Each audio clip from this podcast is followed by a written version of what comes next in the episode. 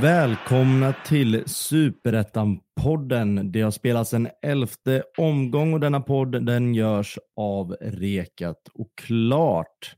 Idag har vi inte fullt manskap. Johan har kastat in handduken efter en tung förlust som vi kommer komma in på. Men Jocke och Lelle är med mig.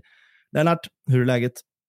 Ja, men det, det är bra tycker jag. Eh, familjen mår bra. Det var lite långhelg här och eh, ja, Karlberg, vi, vi, vi kan bättre eh, i division 2-fotbollen, men eh, det gäller att avsluta starkt här så är vi hyfsat med in, inför hösten. Så att, eh, det är bra, tack. Fint, fint med lite Karlberg-fokus. Och Jocke, allt bra nere i Trelleborg? Mm, det tycker jag. Det går bra på jobbet. Solen skiner. Herrarna börjar vinna sina matcher och klättrar stadigt i tabellen. Eh, damerna med ny vinst och fortsatt på kvalplats upp till allsvenskan, så det finns väl inte så mycket att klaga på just nu. Och ryktet går att du får en ny befordran varje vecka. Ja, det, det är inte helt osant. det är kul att höra. Kul för dig Jocke. Eh, som vanligt så har vi fått med oss en gäst även i detta avsnittet. Eh, vi välkomnar in J Södras spjutspets Pashang Abdullah. Hur är läget? Jo tack, det är bra. Eh, lite trött i kroppen efter gårdagens match. Men annars är det fint.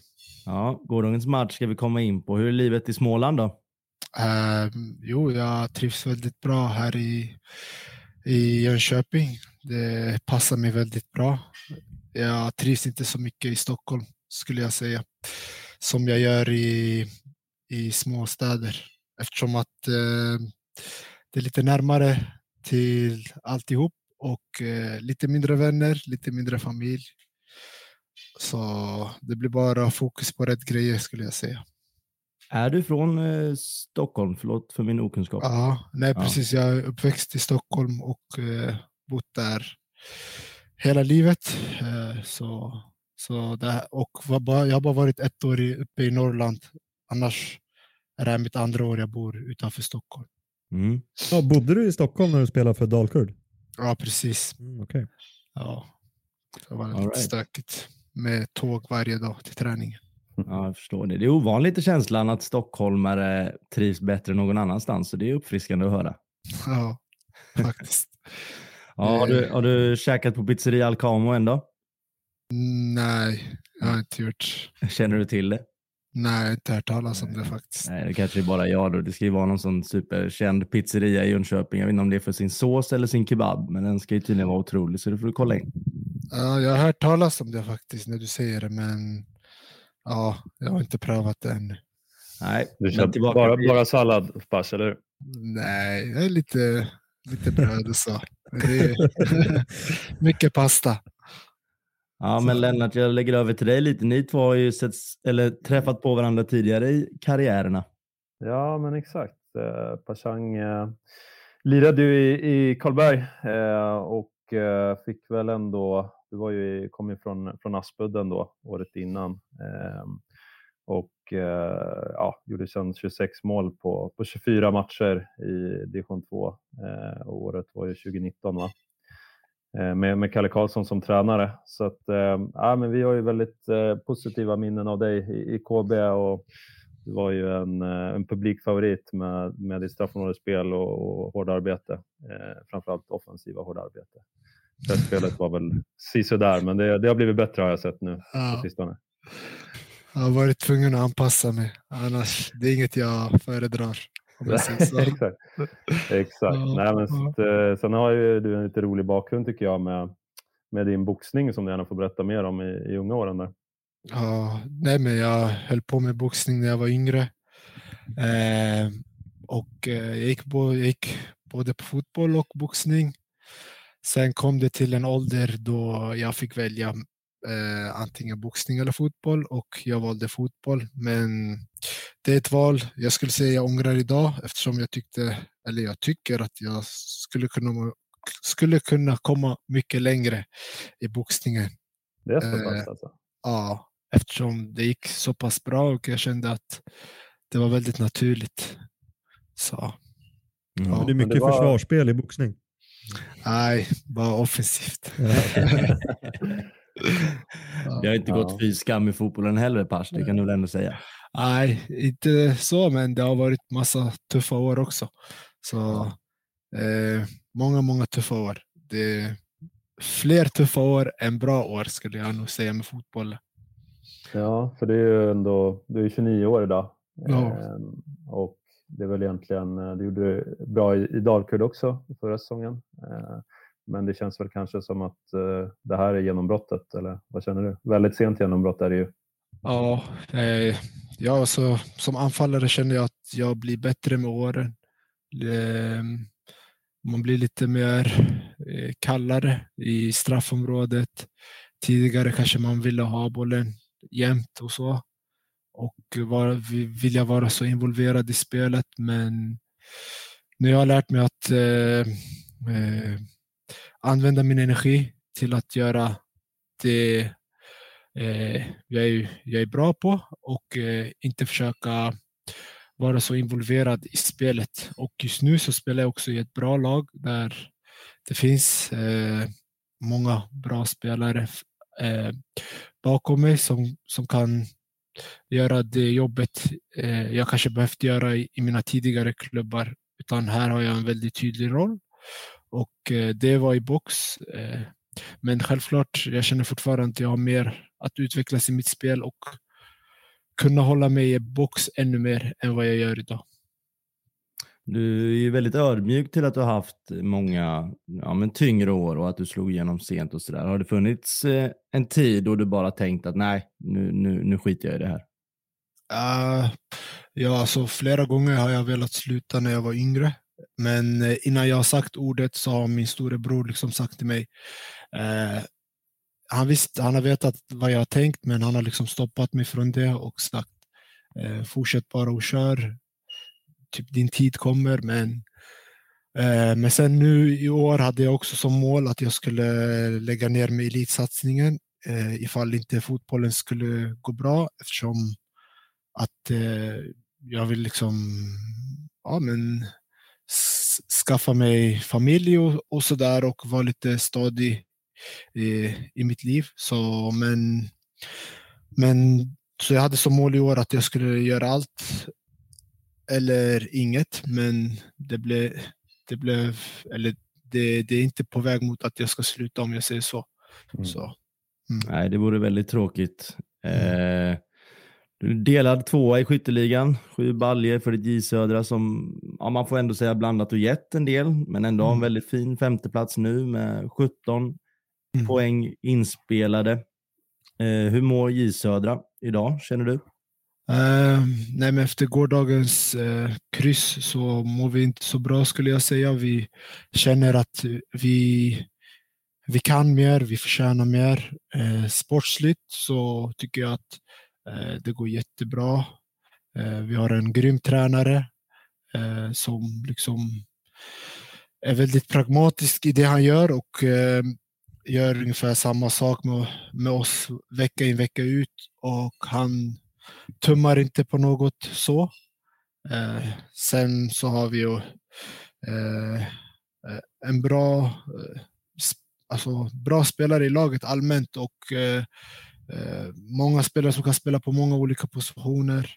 Vi har en väldigt tunn trupp och det gör att vi måste fylla, i, fylla på där, där det behövs. Liksom. Och det är många som har spelat på flera olika positioner i år. Så ja,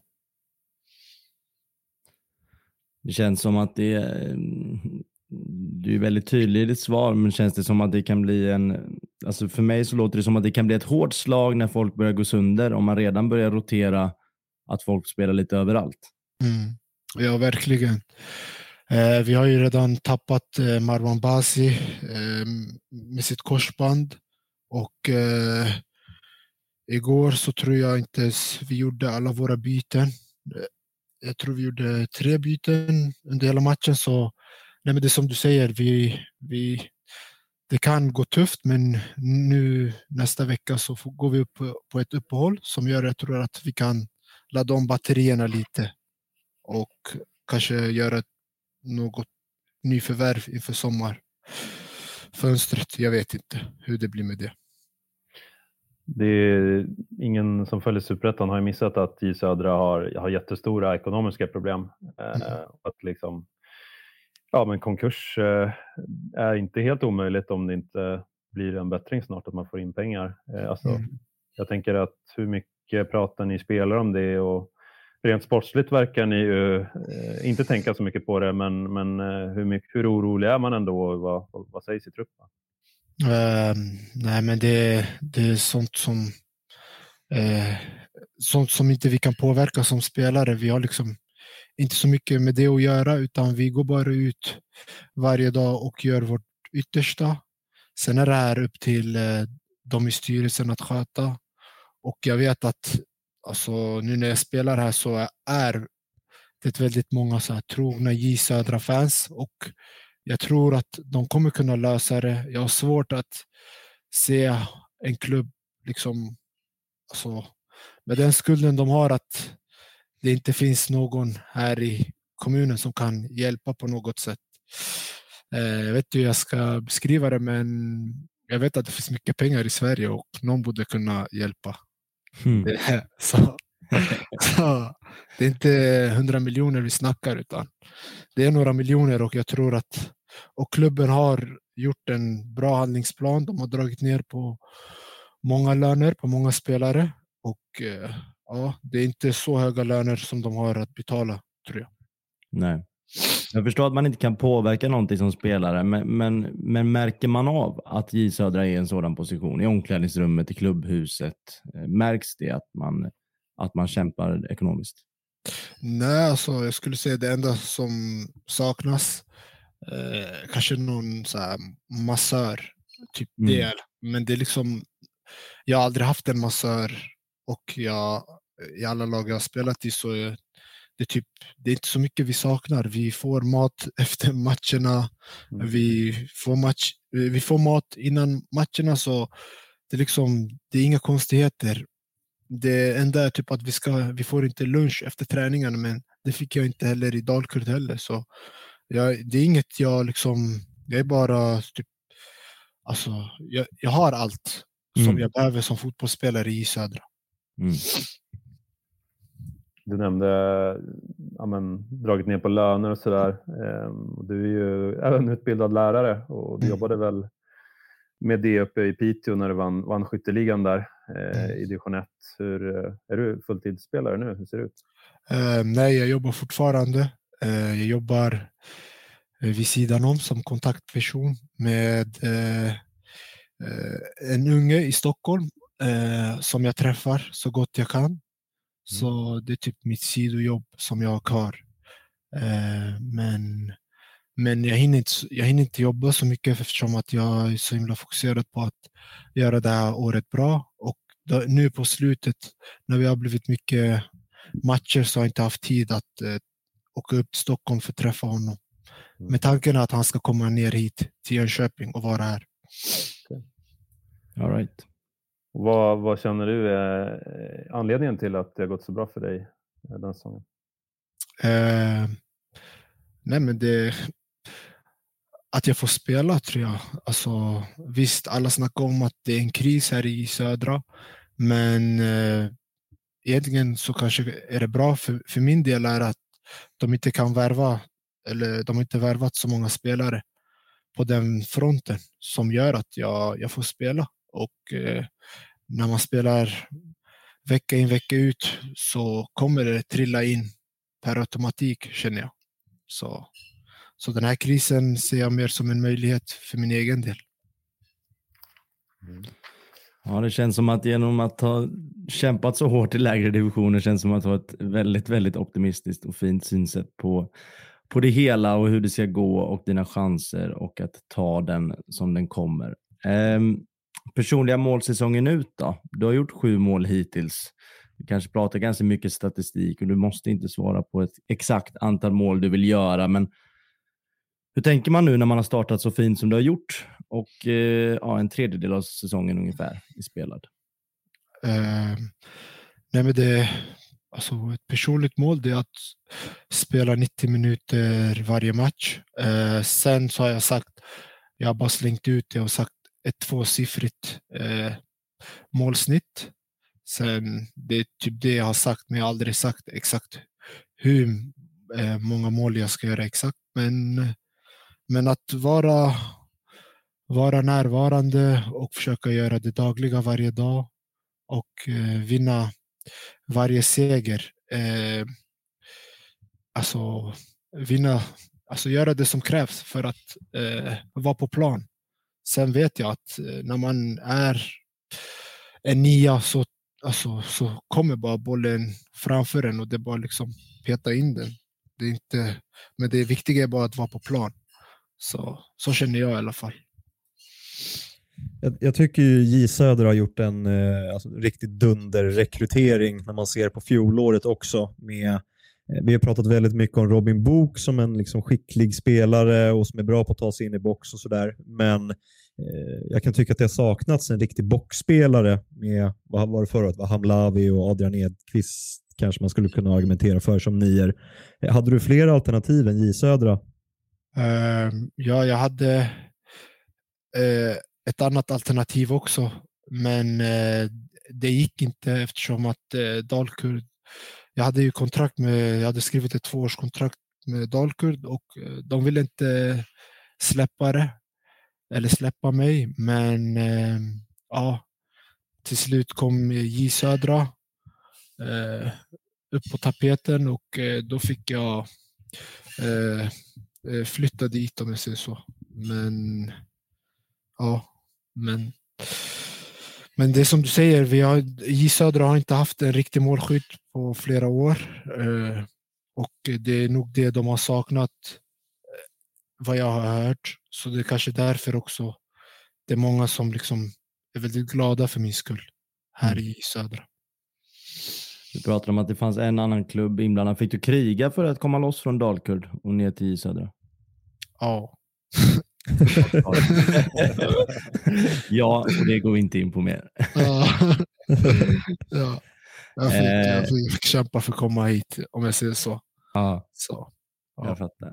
Eh, jag frågade om personliga mål och detta är väl en, en, fråga som kanske går hand i hand med det. Men med J Södras mål, eh, kan man säga något mer än att vinna varje vecka och sådär? Eh, har man satt upp något? Nej, men de har ju sagt att eh, målet är att hålla sig kvar. Eh, men jag vet att eh, eh typ klubben har sagt att målet är att hålla sig kvar och försöka klara av den här krisen. Eh, men eh, jag vet att vi i laget tänker något annorlunda där och att vi känner att vi kan slå alla lag eh, Kanske förutom Gais då. Men, men vi lyckades slå dem också med lite, med lite flax. Men jag tycker vi har kunnat stå upp mot de flesta i år. Förutom Gais och Öster var lite tuffa också. Men ja. Så det, det, det är inga stora lag eh, som jag känner att de är så mycket bättre än oss. Eller eh, det här blir en liten fråga till dig som är KB-relaterad. För ni mm. har ju nu i modern tid tre forwards som spelar minst i superettan med Superpers, Golgurra och Diawara måste ju ha ett smeknamn snart också. Men vem, vem är bäst av de här tre egentligen? ja, det, Gustav Lindgren spelar i allsvenskan men, men eh, minst, kanske minst, minst speltid. Eh, det är klart att, eh, nej det ser väl inte, det är så olika spelartyper också. Pasch är ju någonting annat, en, en boxspelare, eh, en klassisk nia eh, som dundrar in bollen med båda fötterna och skallen. Så att, eh, Medan Osman är vindsnabb och, och Gurra är liksom en, eh, ja, en brunkarforward med, med ruggig spets också, så att de är ganska olika. Eh, alla har gjort mycket mål och nästan lika många mål. Så att, eh, vem har gjort flest mål? Vem har gjort flest mål? ja, men det vann väl den med två mål tror jag, både mot Skurra och Ossi. Så det står ja. ju kvar i historieböckerna, det känns ju bra. Ja, nej. Men Men du, eh, du är landslagsman snart också Ja. vilket är eh, häftigt. Hur, hur kommer det sig? Liksom, irakiska landslaget eh, hörde av sig här nyligen.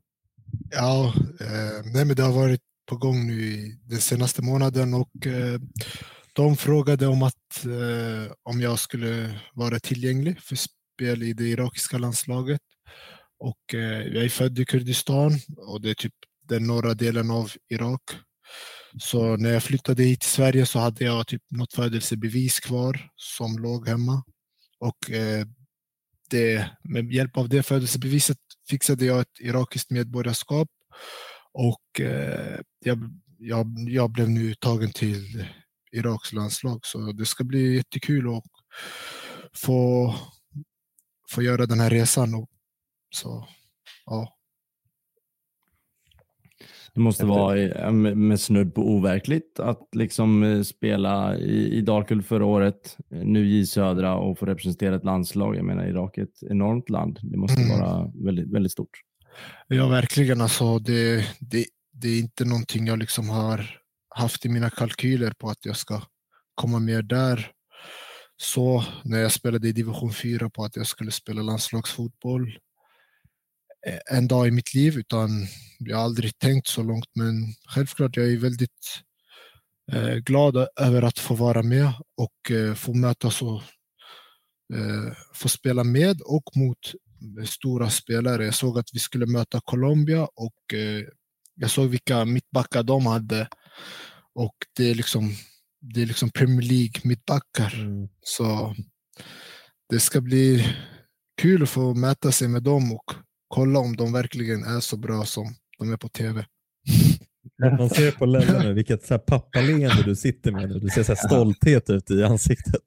Ja, men det, är- man älskar ju man älskar pass, men sen älskar man den här storyn också med, med den långa Mm. vägen. Och tycker det är så häftigt att som 29-30-åring eh, alltså, pika på den nivån. Eh, att man får spela landslag i, i Irak eh, och ligga i toppen av skytteligan och ha vägen öppen för, för framtiden här. Eh, även fast det, det är sent i karriären så är det ju, ja, det finns ju många fina år kvar om du fortsätter så här. Ja. Vi får hoppas på det. Det gäller bara liksom att inte flyga iväg och bara försöka vara här i nuet och bara typ, göra det som krävs varje dag. Det är typ det som har lett mig hit och Mm. det är inte något, något annat liksom. Så Nej. det gäller bara inte att fuska med någonting om jag säger så. Du har alltid varit en sån också som, som stannar kvar extra länge och, och kommer tidigt till matchen och du har dina förberedelser, lite hjärnspöken kanske. Men, Väldigt eh, många. man, man undrade ibland, liksom, måste du sitta här och stretcha en timme Ja. innan träningen? Liksom? Ah. Nej, det, det, det, det är ännu värre idag skulle jag säga.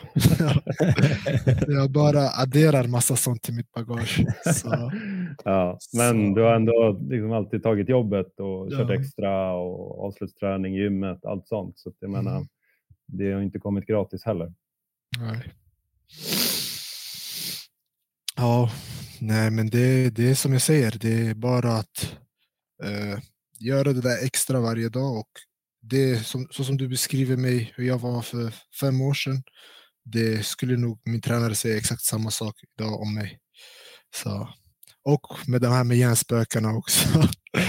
de, de har blivit extrema idag. Men, men jag, jag försöker att inte eh, låt, låta det ha någon betydelse, men det har det verkligen. Kan du inte bjuda lyssnarna på något exempel? Någonting du måste Ja. göra inför en match? Ja, det är så mycket. Men ehm, jag äter alltid, eh, alltså innan match så har jag alltid med mig min egen matlåda. Men det är, men det är också hur jag går ut på plan, vad jag... Eh, men typ under senare tid så har jag inte använt eh, GPS för att jag inte har gjort mål med GPSen på. Så jag tog av mig den en match och så gjorde jag två mål. Sen sa jag att jag kommer inte spela med GPS. Så nu har det blivit att jag inte behövt ha GPS. På under de senaste... det defensiva arbetet igen. Ja. så är det lite. Så, Du känner dig lättare utan den kanske? Ja, jag vet inte vad det är, men så fort jag tog av mig det så började jag göra mål igen. Så, så, och det var samma sak i Dalkurd också. Vi hade GPS under hela våren. Sen var de tvungna att lämna tillbaka den för att de inte kunde behålla dem längre. Så när, så fort jag släppte den så gjorde jag åtta mål direkt efter det. Så, och det är sånt där som spökar i mitt huvud hela tiden. Så, Ja. det, får inte gå för långt bara. ja, nej, det har redan gjort det. Men, men, alltså jag kan känna dagen innan match om jag kommer göra mål eller inte. Det är typ så extremt. Men, ja. Så är det. ja, det är fint. Jocke, hade du något? Ja, jag fastnade på hans eh, sjuka målsnitt från futsal division 1 södra Svealand. Tre matcher, 18 mål. Ja. Vad fan hände där?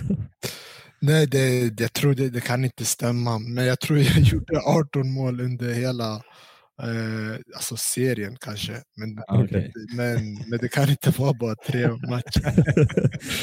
Nej. Ja, Så, är det, det är otroliga siffror annars. Ja. Eh, Pasch, hur ser resten av dagen ut för dig nu då? Ehm, nu ska jag träffa en massör, sen ska jag på lite spa. Sen, ja, sen, sen blir det hem och sova lite. Ja, Så, ja. förbereda det blir tufft på lördag va?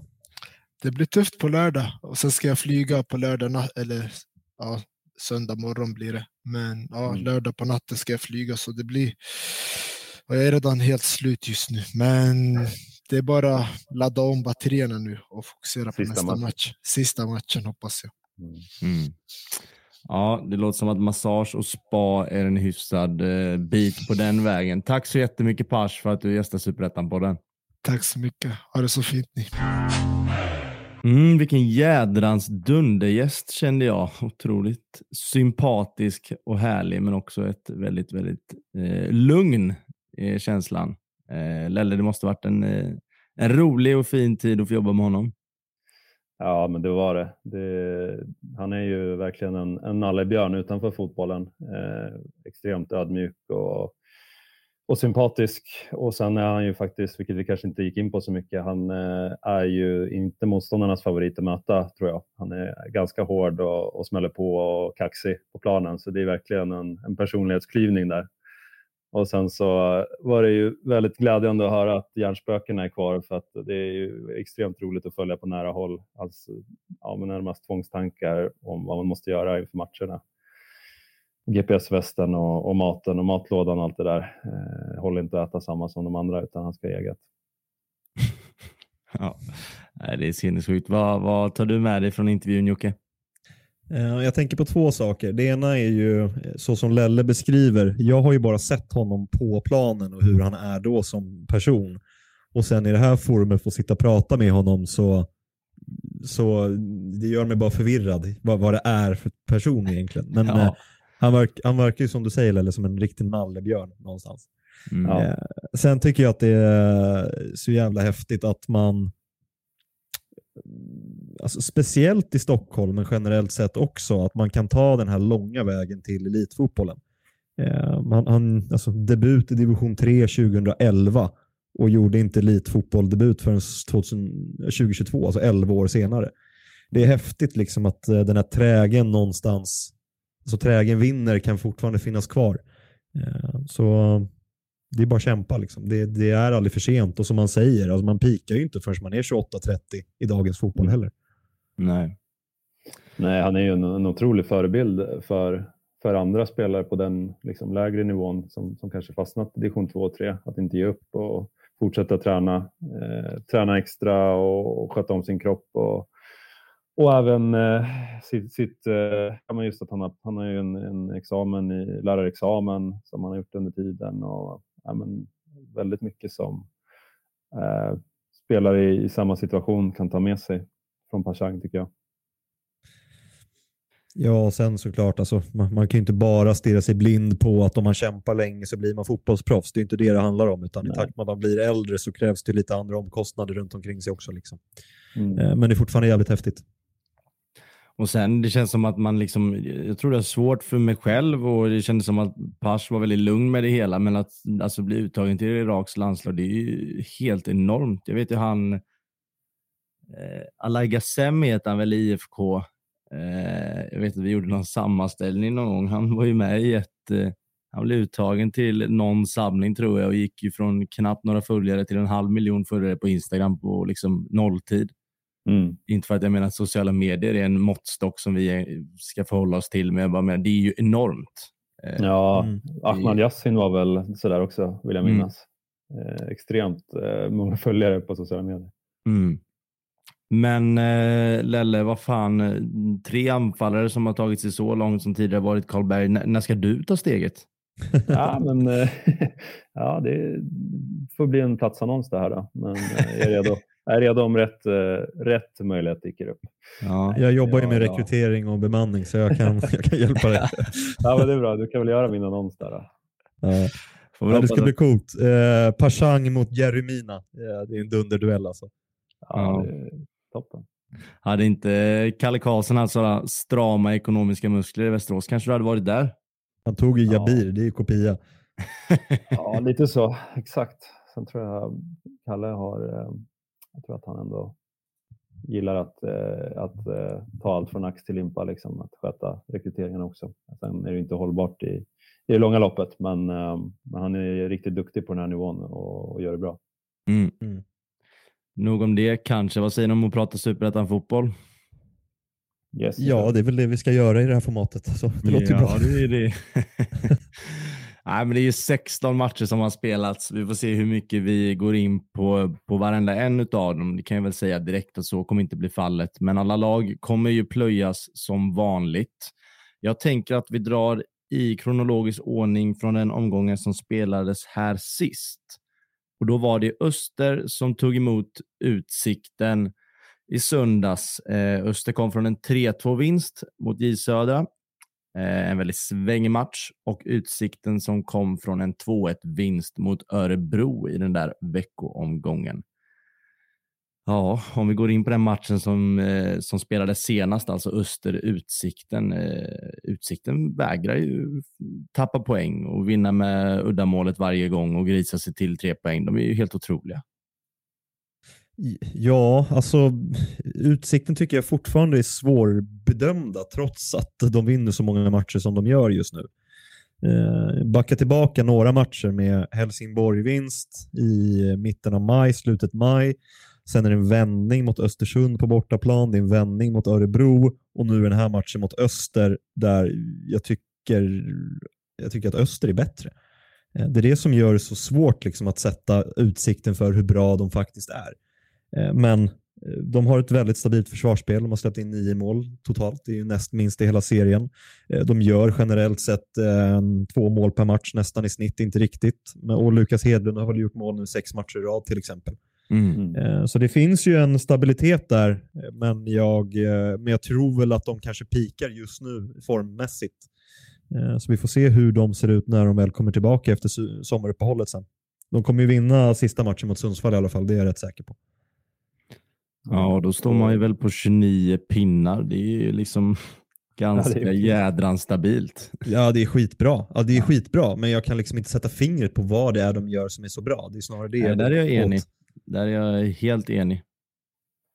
Men det är väl eh, kollektivismen i det laget är ju helt otrolig. Alltså det, de, de spelar ju alltid som att det är deras liksom, viktigaste match för säsongen. Eh, och det är väl någonstans framgångsfaktorn Eh, ja, i kombination med försvarsspelet. Det ja, såg delar av den här matchen. Det var ju ofta en femback, sexback eh, som, som stod där i, i eh, uh, Utsiktens straffområde och då är det inte helt lätt för, för Öster att tränga igenom eh, alla gånger såklart. Eh, sen målet de gör är ju en, en riktig Rembrandt från, från målvakten i Öster som totalt misstajmar en långboll som bara löp, går över honom och Hedlund kan lägga in den i, i öppet nät. Så där gjorde man inte jättemycket för att ta ledningen på det sättet. Men ja, att hålla nollan borta mot Öster är sjukt starkt. Ja, och sen har vi varit inne på att de har ju inga andra än sig själva att egentligen kriga för. De har ju ingen liksom stor supporterskara som står där på kortsidan och, och skriker vid förlust och sådär. Eh, men sen, man får ju ändå nämna att de har ju verkligen en tränare att kriga för. En tränare som man Mm. kanske kan förklara lite som att i medgång så tror jag spelare dör för honom. Och han får folk och sina, sina gubbar att verkligen tro, att, ja, men tro på det hela och kriga för honom. I minsta lilla motgång, då kan det gå käpprätt åt andra hållet. Det vet jag av egen erfarenhet. Så det, det är verkligen eh, en lina man får balan, balansera på såklart. Eh, Mm. och, ja, men än så länge kan vi inte göra något annat än att, än att liksom, ja, eh, hylla dem helt enkelt. Eh, en otrolig start och första elva omgångar. Ja, det blir nio matcher utan, utan förlust om de, om de undviker att torska mot, mot Sundsvall. Eh, och sex raka segrar och sånt där. Så det ja, kommer ut hyfsat starkt inför hösten, det får man ju säga. Mm. Men det är då man ska börja vinna också. Alltså, Mm. De har ju gått under radarn egentligen hela säsongen ändå, trots att de ligger där uppe. Och det är ju, det är ju laget att slå sen till hösten och det är då man ska svara upp på det. Eh, hur, hur ser ett sånt lag ut då eventuellt efter en eller två förluster? Mm. Nej, men så är det ju verkligen. Eh, Öster då? Eh, 19 poäng inspelade, startade ju helt otroligt starkt och det var ju nästan som HBK förra året, att man pratade om att det här springer man igenom. HBK slutade inte etta förra året, BP blev det bättre laget. Eh, Öster har några stycken lag framför sig nu. Eh, spelar längst fram som absolut fortsätter prestera samtidigt som kanske några andra, Jesper Westermark till exempel, har stannat av lite sin målproduktion, även fast det absolut bara kan vara temporärt. Men eh, vad, vad känner ni kring dem då? Vad har vi i Öster? Hur, eh, hur är chanserna på allsvenskan nästa år, Jocke?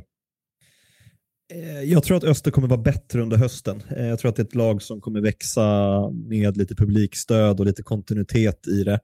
Eh, det är ju framförallt försvarsspelet som de måste skärpa till. Eh, så, men sen tycker jag väl att de, de har tappat lite fart i sitt anfallsspel också och det är ju den svackan som eller svackan, lilla, som kommer just nu som jag tror att de kommer reda sig eh, för. Jag, Jag tycker att deras anfallsspel såg bättre ut när de hade Söderberg som tia, snarare än som det ser ut just nu. Men jag, jag kanske är lite färgblind där också.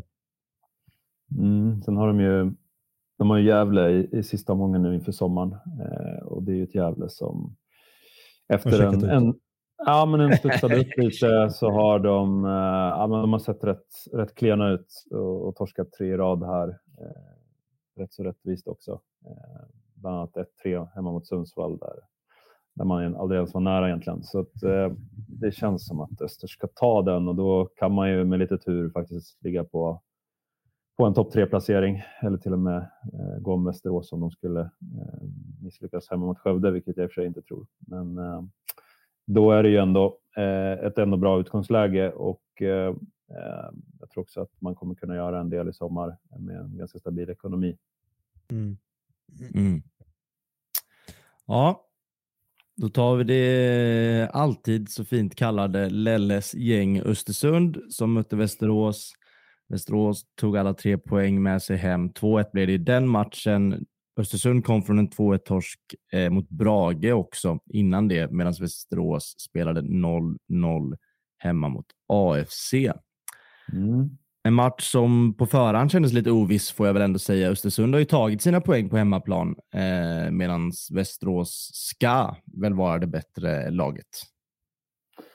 Nej, men så är det och, och kollar man höjdpunkter där så var det ju idel, idel Västerås ändå eh, fram till egentligen att Östersund eh, tar ledningen. Så ja, det, utan att på något sätt vara överlägsna så, så tyckte jag ändå att det var lite kvalitetsskillnad. Östersund har ju sitt spel också eh, där det är mycket omställningar rakt eh, och man har speed framåt. Men eh, de har haft det tufft på sistone och, och ja, har inte riktigt haft den där stolpe in eh, som man hade under, under en period. Och eh, utvisningar har man dragit på sig i mängder här på sista, sista omgångarna. Och den här gången var det Theodor Ask, då, gamla, gamla Västeråsspelaren. Han var ju inlånad från Norrköping till Västerås tidigare, eh, som fick två gula. Och det är ju därefter som, som VSK gör två mål också i sista 10-15.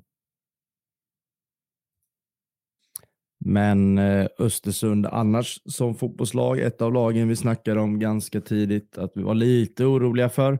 Nu har man ju mm. verkligen börjat tappa sina poäng. Det såg bättre ut ett tag, men de senaste fem är det fyra förluster och en lika. Man är på säker mark än så länge. Elfte plats. Eh, Jocke, finns det risk att man eh, faller? Ehm, eh, ja, det, det, finns det nog risk för. Jag eh, tycker väl att det finns lag som är svagare som ligger bakom. Eh, det är väl Örebro framförallt jag tror som fortfarande kommer klättra den där tabellen. Men annars kommer nog Östersund vara där nere. Skulle de hitta en nia som är bra, och det har vi pratat, jag har pratat om tidigare, så tror jag att det finns en jag tycker det finns en, ett OK-fundament i det här laget ändå som gör att de inte borde vara i bottenstriden. Men, men varken Malcolm Stolt eller Karlsson Grach är tillräckligt bra nior för att bära ett sånt här lag. Vi rullar vidare. Örebro mötte Gävle Eh, Örebro som kom från torsk mot Utsikten som vi nämnde tidigare och Gävle som i veckomgången förlorade Norrlandsderbyt mot Sundsvall. I denna matchen så var det Örebro som tog med sig tre poäng. 2-0 blev eh, slutresultatet. Eh, Örebro är väl fortfarande med. Det är ju några av oss som har tippat dem ganska högt. Jag tror framförallt det var Johan som tippade dem om det inte till och med var högst eller något sånt där. Nu är inte han här och kan försvara sig. Eh, de ligger just nu på en tolfte plats, men det känns som att segrarna har de ändå blivit några, inte allt för många, men det känns som de har något. Jag vet inte om det är en svag spaning, men de ska väl inte vara där nere? Nej, jag tycker inte det. Eh, sen, eh, sen tycker jag att de är väldigt juniora generellt sett, både till ålder men också till hur de spelar. Eh, det är lite mycket pojkfotboll om man ska eh, uttrycka sig på så sätt. Eh, det, det, är lite fint och det är lite härligt när, när det passar dem eller när det funkar. Eh, men eh, borta på en naturgräsmatta så, så har de det jävligt tufft helt enkelt. Eh, sen tycker jag Eskelinen svarar för lite osäkerhet och lite grodor här och där också. Eh, men eh, jag tycker fortfarande att det finns en höjd i Örebro som är tillräckligt bra för att de borde kunna titta uppåt i alla fall i tabellen. Mm. Sen eh, får vi se. Jag, ja, jag tror inte att det är helt hundra att Noel Milleskog är, är, kvar och han är väl en av få som kan sätta bollen i mål av de spjutspetsarna där eh, framåt. Eh, mm. Det är ju 2-0 målet eh, nu senast mot Gävle då, men eh, han uppvaktas av, av flera klubbar, bland annat Sirius och BP vet jag eh, rycker i honom just nu. Så um, ja, det är bara ett halvår kvar på det kontraktet dessutom, så vill, vill Örebro ha några pengar så är det ju nu för att eh, det blir nog svårt att få honom att förlänga eh, ett år till i Superettan. Det har jag svårt att se. Det var väl både danska klubbar för ett år sedan också som tittade på honom? Mm, ja, Norrköping eh, var väl ganska konkreta i vintras, men, men det krävdes rätt stora summor tror jag, så det blev inte någonting där. All heder till Milleskog, men är det bara jag som känner att det är lite knepigt att det ryktas så mycket kring honom om man jämför med andra presterande spelare i, i superettan. Det har ju inte riktigt flugit varken i år eller förra året. Han varit bra, men liksom inte, inte, liksom, inte suverän. Eller har jag fel? Alltså jag, han går ju lite som nia, eller han går ju som nia i Örebro och det är väl inte hans naturliga position egentligen. Eh, så jag tror att det kan finnas mer att hämta i, en, i ett annat arbetssätt för honom i en annan roll. Ja, och lite, det har ju varit rörigt i, i liksom Örebro. Eh, dålig, jättedålig säsong i fjol och, och ja, nu kanske det börjar ta sig något, att de hittar någon stabilitet i sitt spel. Men, men han har inte den bästa omgivningen heller. Sen så har ju han en del i det givetvis, men eh, jag tror att det är en bättre omgivning eh, så skulle han göra fler mål också. Mm. Ja, och Gävle då, eh, som nu med tre raka torsk, ett lag som vi på förhand sa skulle hamna rätt långt ner. De lär väl göra det, va? Ja, alltså det, vi har ju varit inne på det. Det är en tunn trupp och titta på Tittar man på deras meritlistor här också så eh, ser vi i laget så är det ju ett par som, som absolut eh, har varit med på den här nivån, men, men det är ganska ja, slätstruket på många håll också. Eh, så när den här energin och, eh, som, som man hade ett tag eh, försvinner så, så blir det ju bristande kvalitet som gör att man också får svårt att hämta poäng mot, mot lag som kanske har växlat upp också efter en, en trög start. Så att, ja, jag, jag har svårt att se Gävle i något annat än en bottenstrid. Sen ja, är det några andra lag där, eh, Helsingborg exempelvis, som inte ska vara där på många sätt, men, men faktiskt ligger långt efter poängmässigt och ja, har all press på sig. Det har inte Gävle, så det är ju en fördel för dem eh, kontra några andra lag i botten eh, som, som kan spela lite mera mer, mer förväntat att de skulle vara där de är och kan spela lite mera med sänkta axlar. Mm. Vi går vidare till, ett, eh, till Jockes gäng som jag hoppas han kan pr prata lite mer om nu som efter liksom ett tränarbyte faktiskt har gått som tåget. Jag vet inte hur många matcher det har varit Stefan Jakobsson nu, men det är ju fem matcher varav ett kryss och fyra vinster. Man vinner mot Trelleborg, eller man vinner mot Brage med 1-0 här hemma. Man kom från eh, kryssresultatet då mot Landskrona i det här Skånederbyt vi pratade om i förra veckan. Och eh, Brage, matchen innan detta, det nämnde vi också innan, men de tog ju alla tre poäng mot eh, Östersund. Det känns som att, eh, ja, nu är det ju en väldigt kort period som Trelleborg har varit eh, bra, eh, men det känns också som att de smyger lite med eh, och det är ju väldigt många poäng de senaste veckorna. Jocke? Jo, men 13 poäng på eh, inspelade av de senaste 15 är ju jättestarkt oavsett motstånd. Och däremellan så har du ju en, eh, en vinst mot Västerås till exempel, eh, som är kanske den som, som väger mest. Eh, och mm, det, det, jag kan se, eller det jag tycker mig se, är ju att det finns eh, ja, men lite annan eh, glädje runt omkring. Eh, det är ett annat arbetssätt mot hur det var tidigare. Eh, spelarna lägger ner lite fler löpmeter i utsatt lägen. Det är väl första nollan nu i helgen också eh, där man liksom blockar skott, bara för att ta ett exempel, i större utsträckning än vad man gjort tidigare. Eh, så det är klart att det är jättepositivt nere på Vångavallen just nu. Så, så är det ju när det går bra. Mm. Sammanfaller det inte lite också med att eh, man har börjat få tillbaka spelare som, som eh, den gode sportchefen var inne på, Salif Kamara Jönsson, när vi pratade. Men det, det känns som Mortensson kom in och, och gjorde något för den matchen och sådär. Jo, så är det. Mårtensen är tillbaka. Eh, Stenmark är ju tillbaka, gjort två kortare inhopp. Mattias mm. Andersson var ju tillbaka men drogs med en liten vadskada men var med i truppen här senast mot Brage.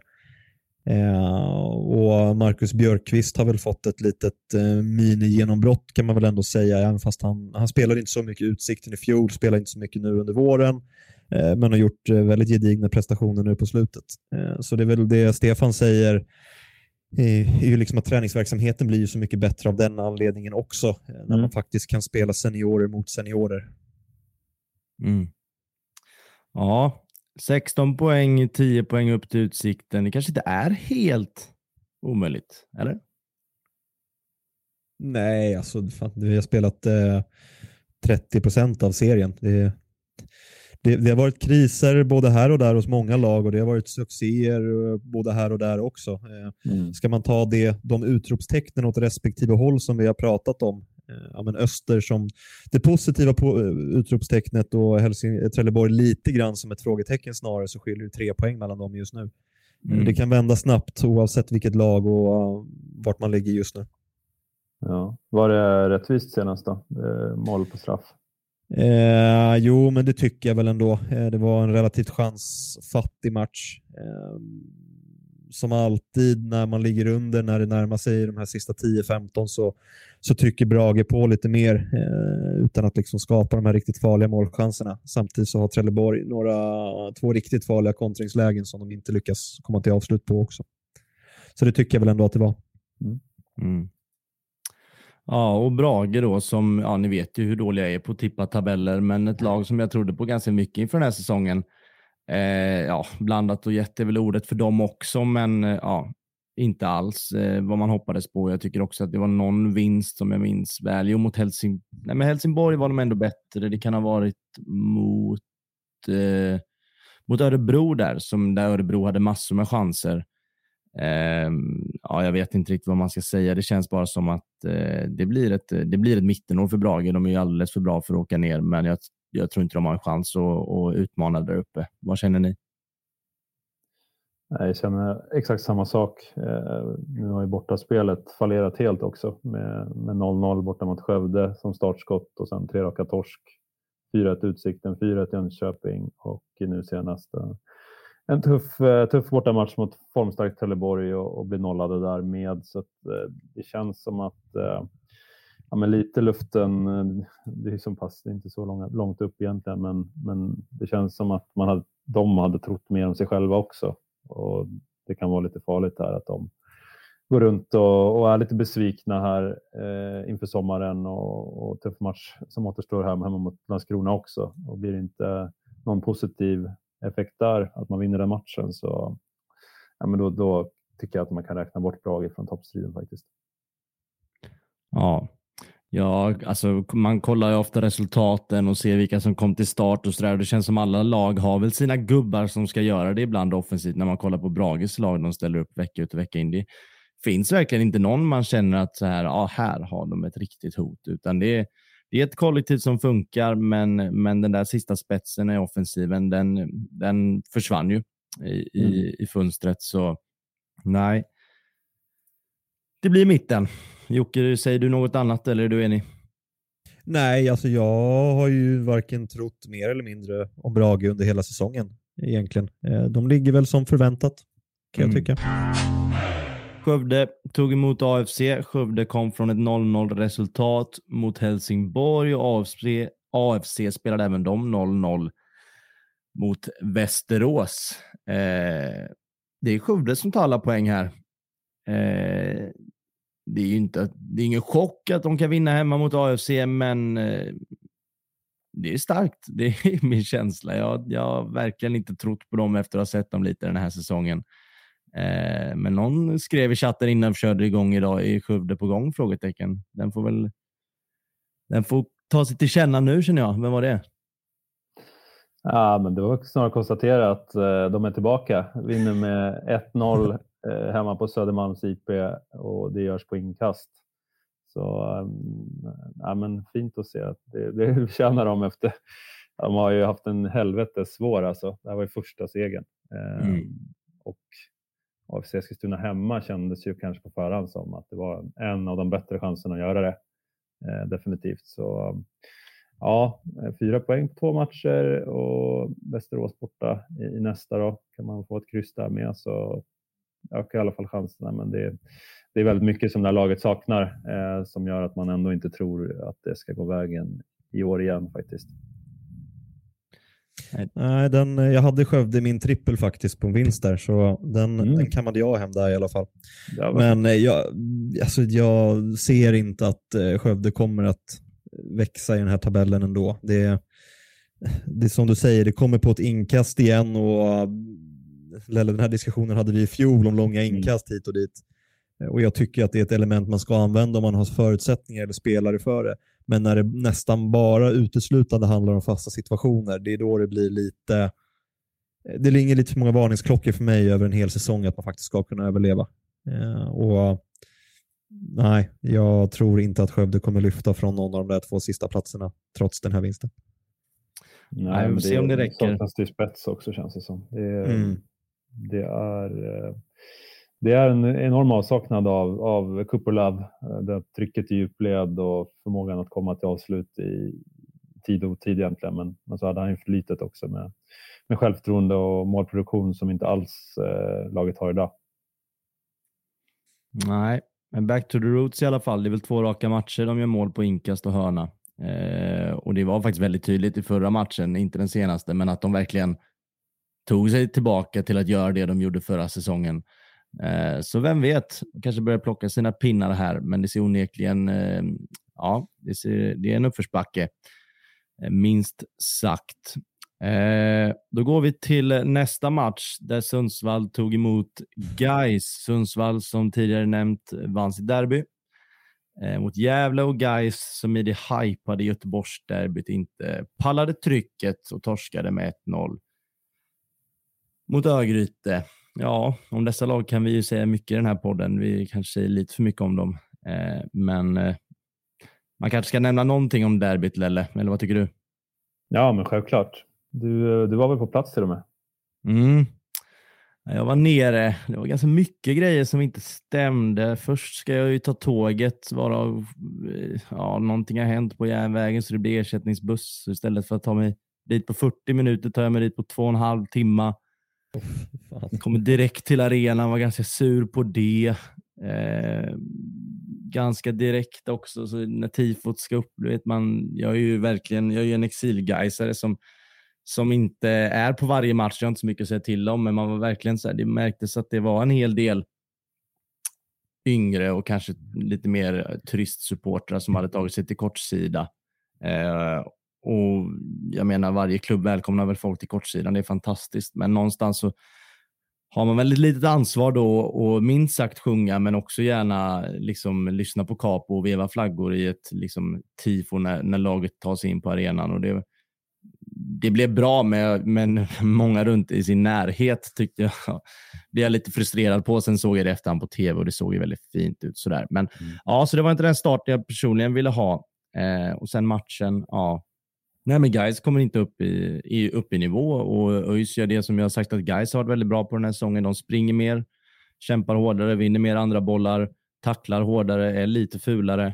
Eh, får in ett mål, ett ganska fint sådant. Eh, Guys är väl nära någon gång, eh, väldigt nära någon gång, men inte så mycket mer än så. Man skapar inte jättemycket. Det är guys, en av Guys sämre insatser och, en, och liksom ett derby som, som eh, ÖIS gör, eh, ja, men liksom följer matchplan och liksom spelar som ett derby skas och därför tar alla tre.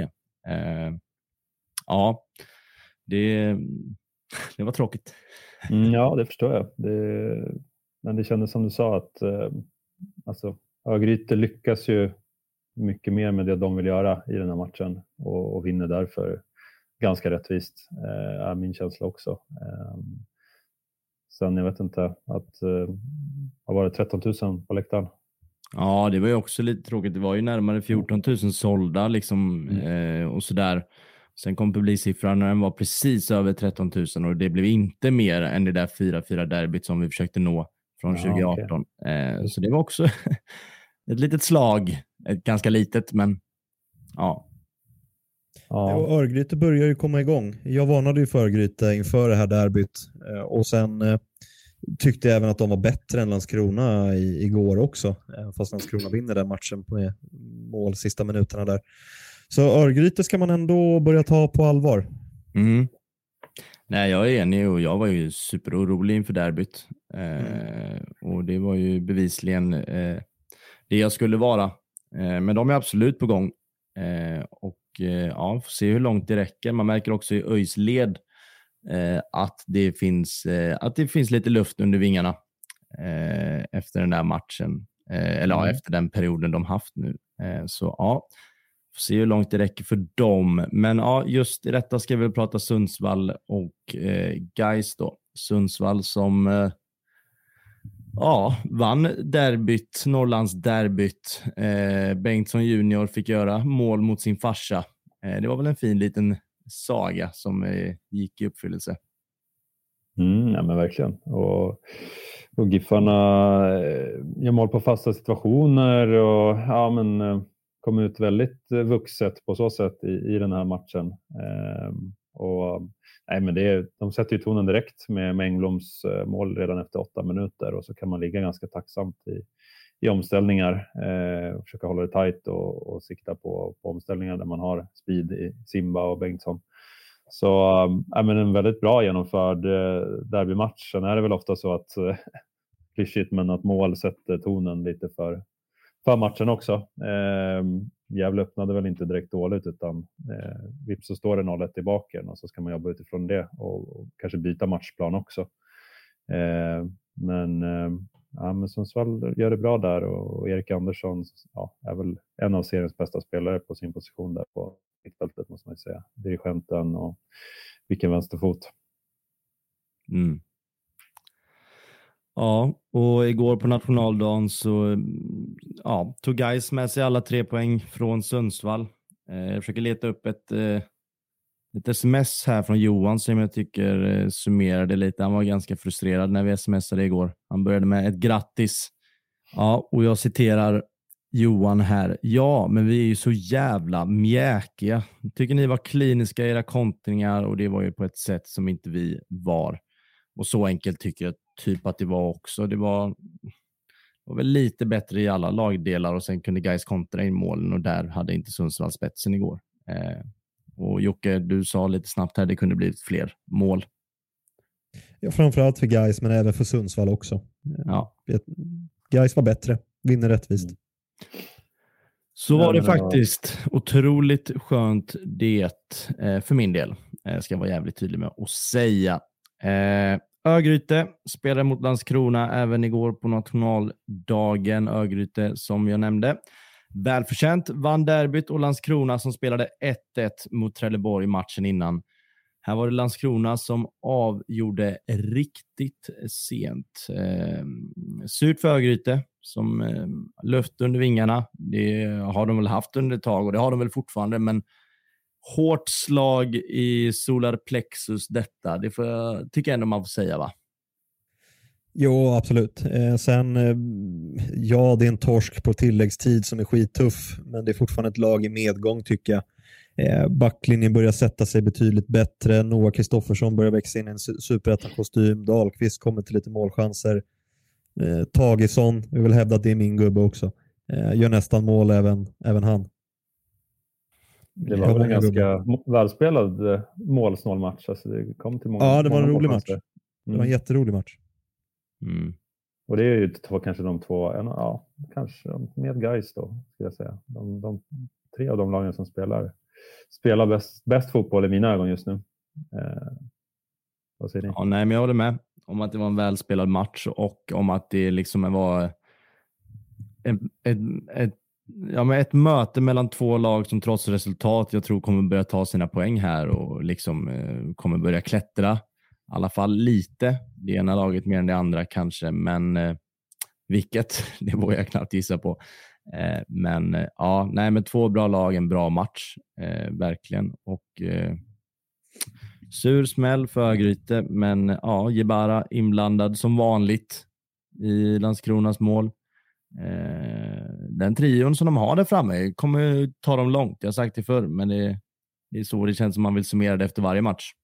Nu klev ju Koffi av i paus redan och det var ersättaren som gjorde mål dock. Ja, eh, men, ja. men ja, det är en jätteintressant fronttrio. Det, det vore dumt att säga någonting annat. Men jag är mm. ganska, helt, alltså ganska övertygad om att den splittras i sommarfönstret. Ja, ja eh, Jebara blir inte kvar. Jebara, om ingen allsvensk klubb eh, går in och budar där så är, då är det en chock. Han ligger ju bakom extremt mycket och även hockeyassist så där han driver upp bollen och sätter igång anfallen med sin, med sin snabbhet Precis. och bollbegåvning.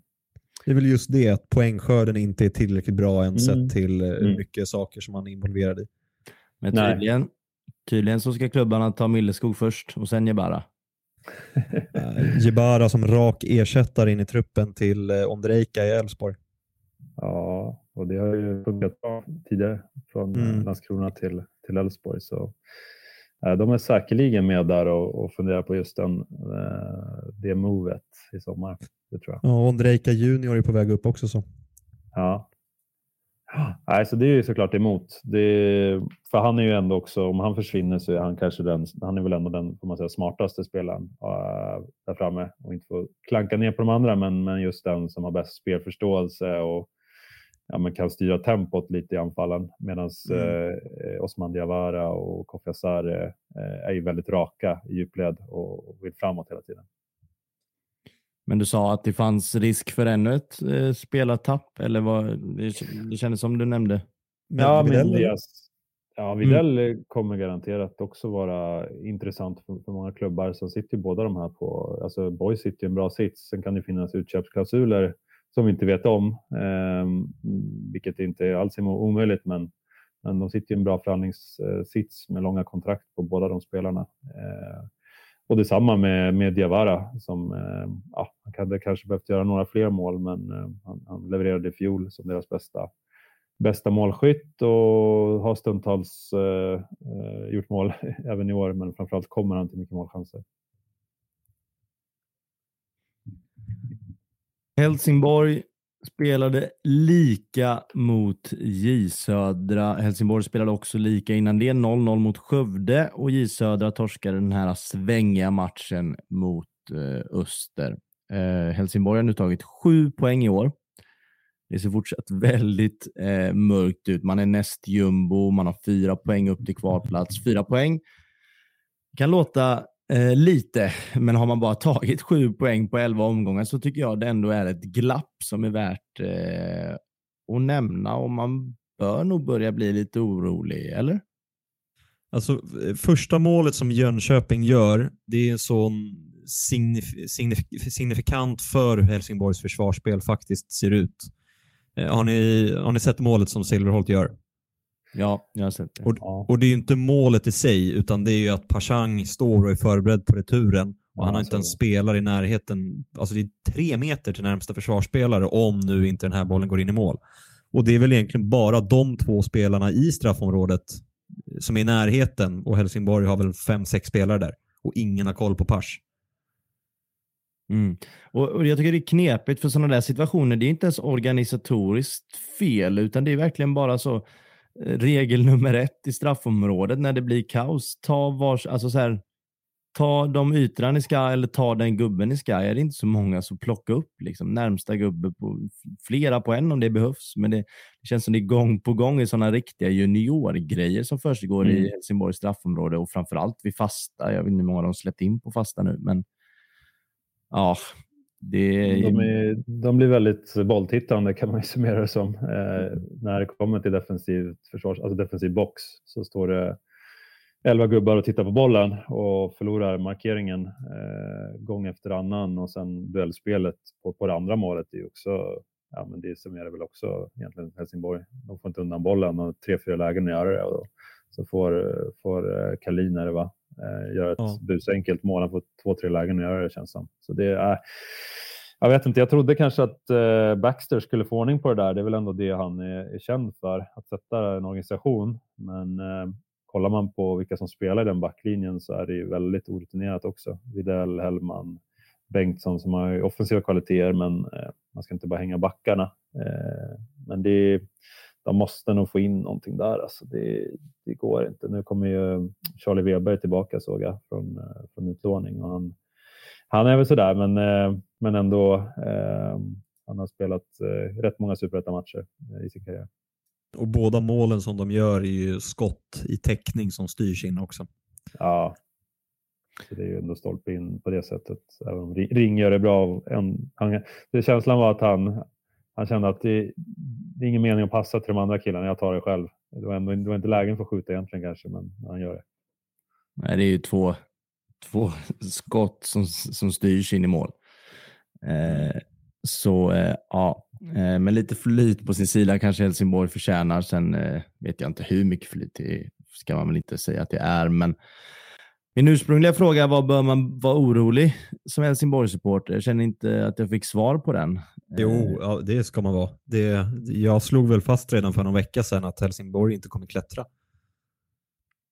Alltså att de kommer direkt nedflyttningsplats? Ja, jag, jag tror att det finns en eh, risk för det, tyvärr. Mm. Mm.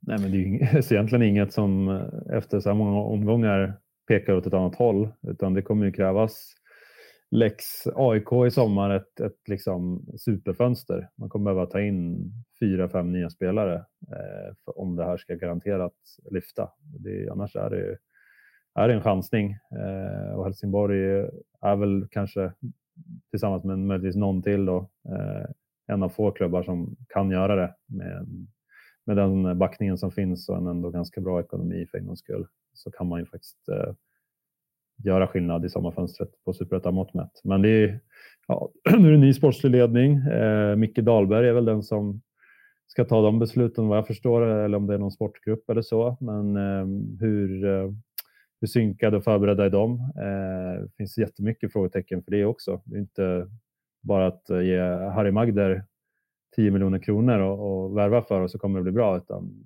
det behövs ju en del fingertoppskänsla också för vilka spelartyper och karaktärer man tar in i det här läget. Mm.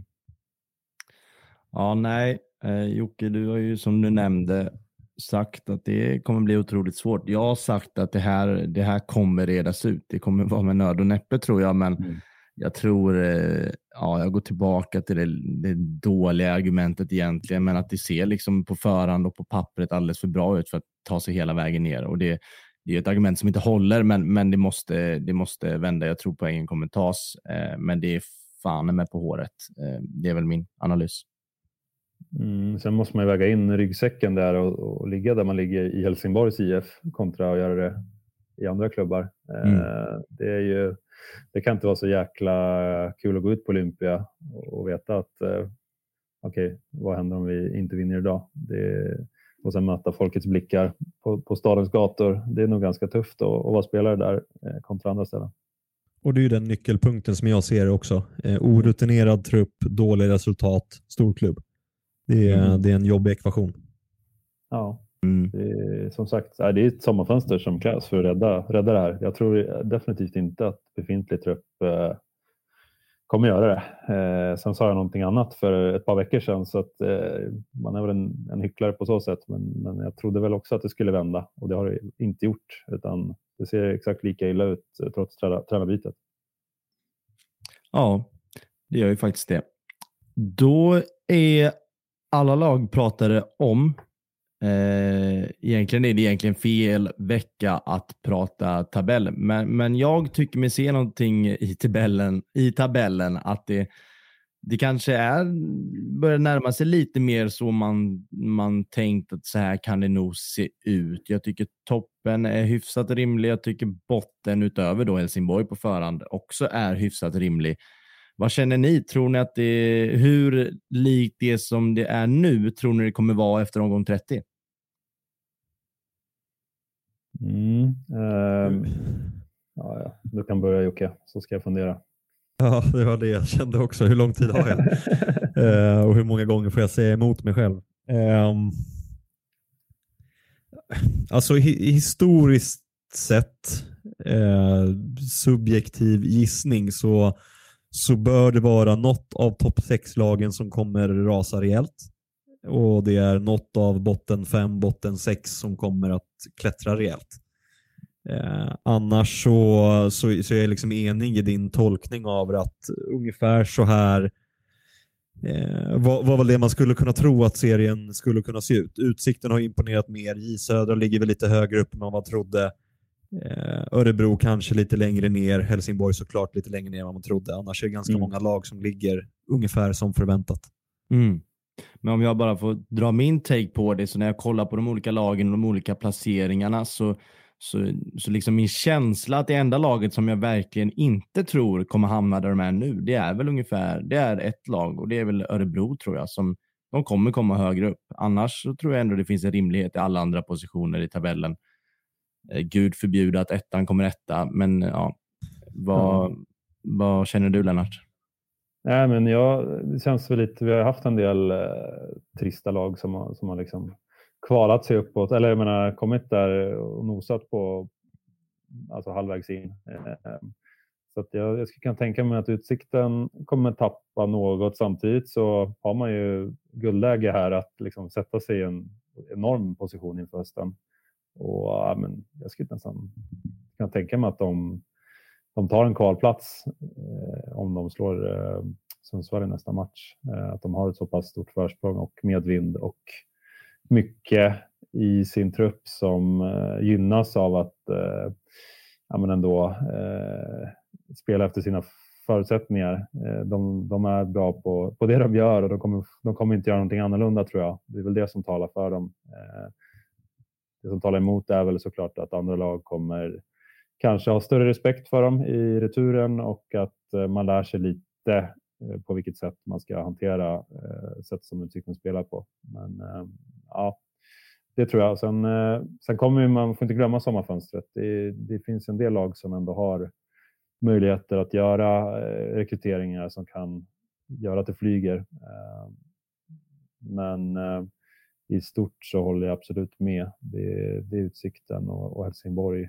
som är outliers åt olika håll och sen i södra är definitivt högre än, än vad jag trodde. Jag trodde de skulle slås där nere, så där, där hade man ju råfel faktiskt. Eh, men annars är det hyfsat i linje.